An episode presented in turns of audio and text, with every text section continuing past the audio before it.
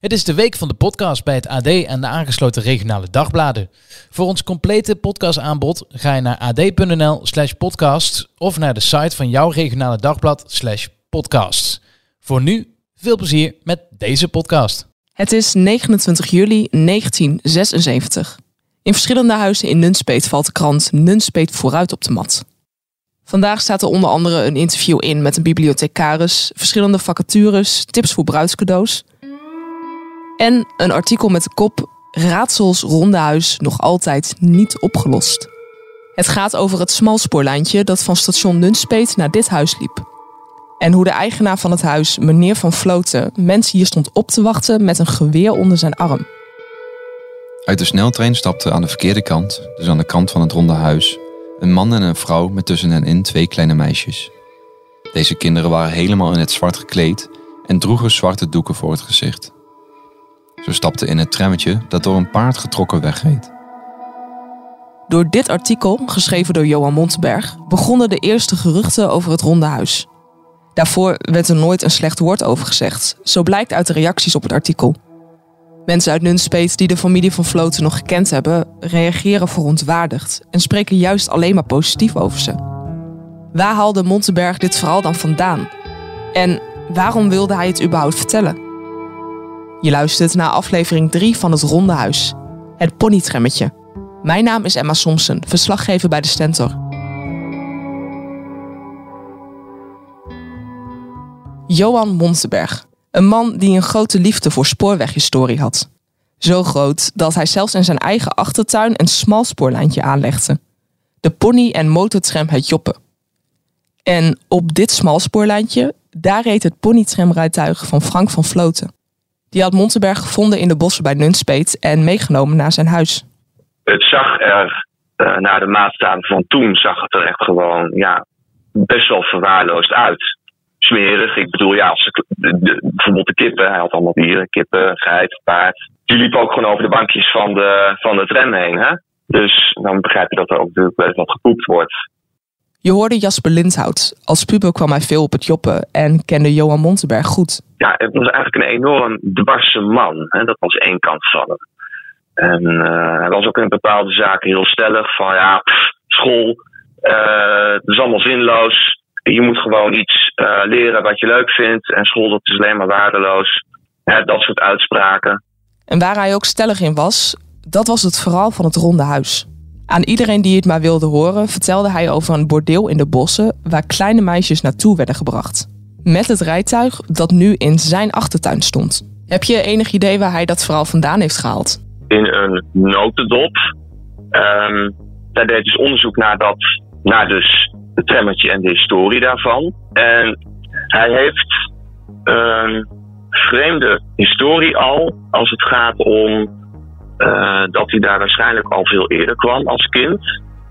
En had ook een wat aparte relatie met zijn moeder. Hij was uh, op, op, een ongezonde manier was hij heel close met zijn moeder tot ver in zijn volwassen leven.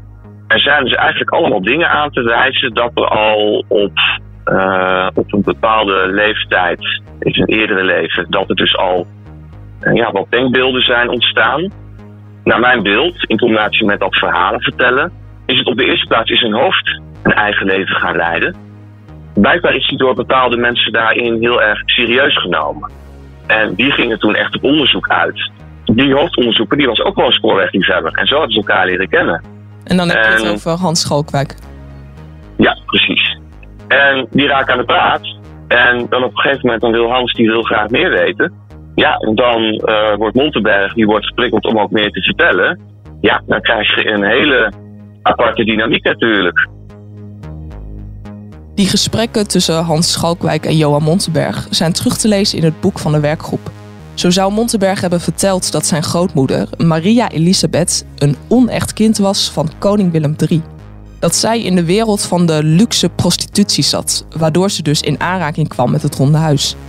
Dat zij de vrouw was die de jonge meisjes hierheen bracht. Dat ze haar dochter, dus de moeder van Montenberg, hier later ook in betrok.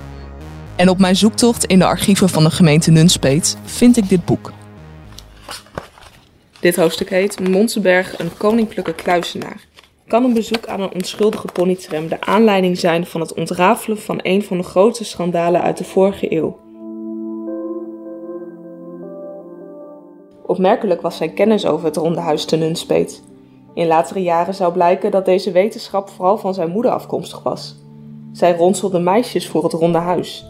De eigenaar van het Ronde Huis was Frank van Vloten, die in de rol van zonderlinge landgoedeigenaar zijn arbeiders het landgoed liet ombouwen tot een occult proefterrein, waarop rond de Eerste Wereldoorlog oud-Germaans getinte rituelen plaatsvonden. De door Montenbergs moeder geronselde meisjes speelden hierbij een trieste rol.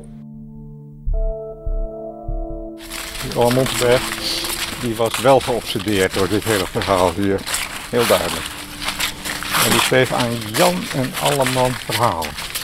Het was alsof hij een soort tekstverwerker had. Die verhalen zijn bijna woordelijk gelijk. Waarom was hij zo geobsedeerd met dit verhaal dan? Door zijn geclaimde koninklijke afkomst? Nou, dat speelt zeker een rol. Ja, en dan, dan heeft hij toch altijd een stukje. Hij, ja, hij, hij zegt dat nooit zo hardop, maar uh, je krijgt de indruk dat hij daar kwijtgeld voor ontving. Mhm.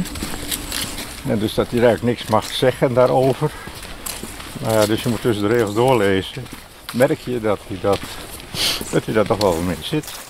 Je hoorde Frans van Noppen, lid van werkgroep Het Ronde Huis.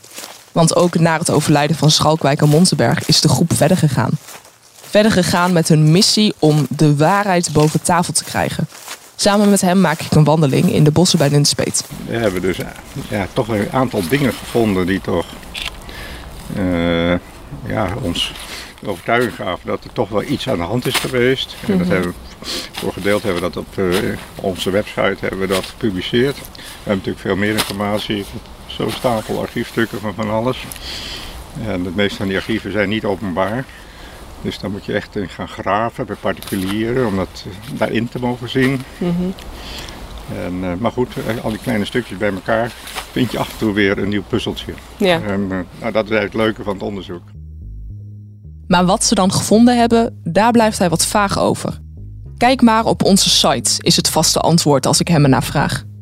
Daar vind je vooral veel artikelen over de geclaimde koninklijke afkomst van Johan Montenberg.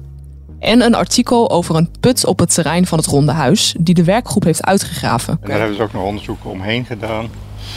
Uh, om te kijken of we daar nog wat konden vinden. En dat kun je, het verslag daarvan staat op de website. Ja, want het waren dan arbeidersverslagen van mensen die hier gewerkt hebben.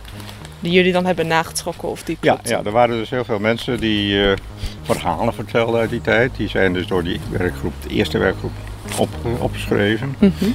En het is grappig dat we een aantal van die verhalen kunnen, konden verifiëren door die opgravingen die we daar gedaan hebben. Dat, maar dat is ook allemaal, staat allemaal op de website. Als je dus meer bevestiging vindt van de verhalen die je gelezen hebt, mm -hmm. uh, begin je meer vertrouwen te krijgen dat anderen ook wellicht waar zouden kunnen zijn.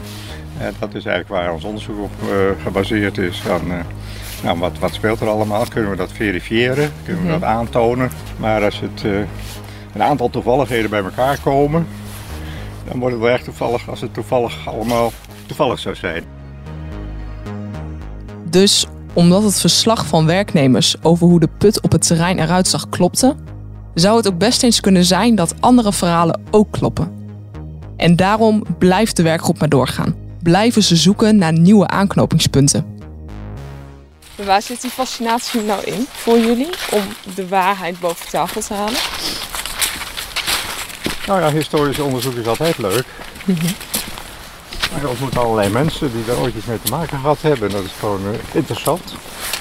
Want, uh, ja, mensen zijn toch het mooiste wat er is eigenlijk, of niet? Uh, maar als dat nou gepaard gaat met nou ja, zo'n boekpresentatie waar mensen staan te protesteren en een Wilmer Taal die zich te, tegenaan bemoeit, is het dan nog steeds leuk? Nou, ik vind het uh, intermenselijke processen vind ik altijd interessant. Hoe mensen op elkaar reageren, hoe ze reageren op een bepaalde situatie. En dan zie je dat de een anders reageert dan de ander.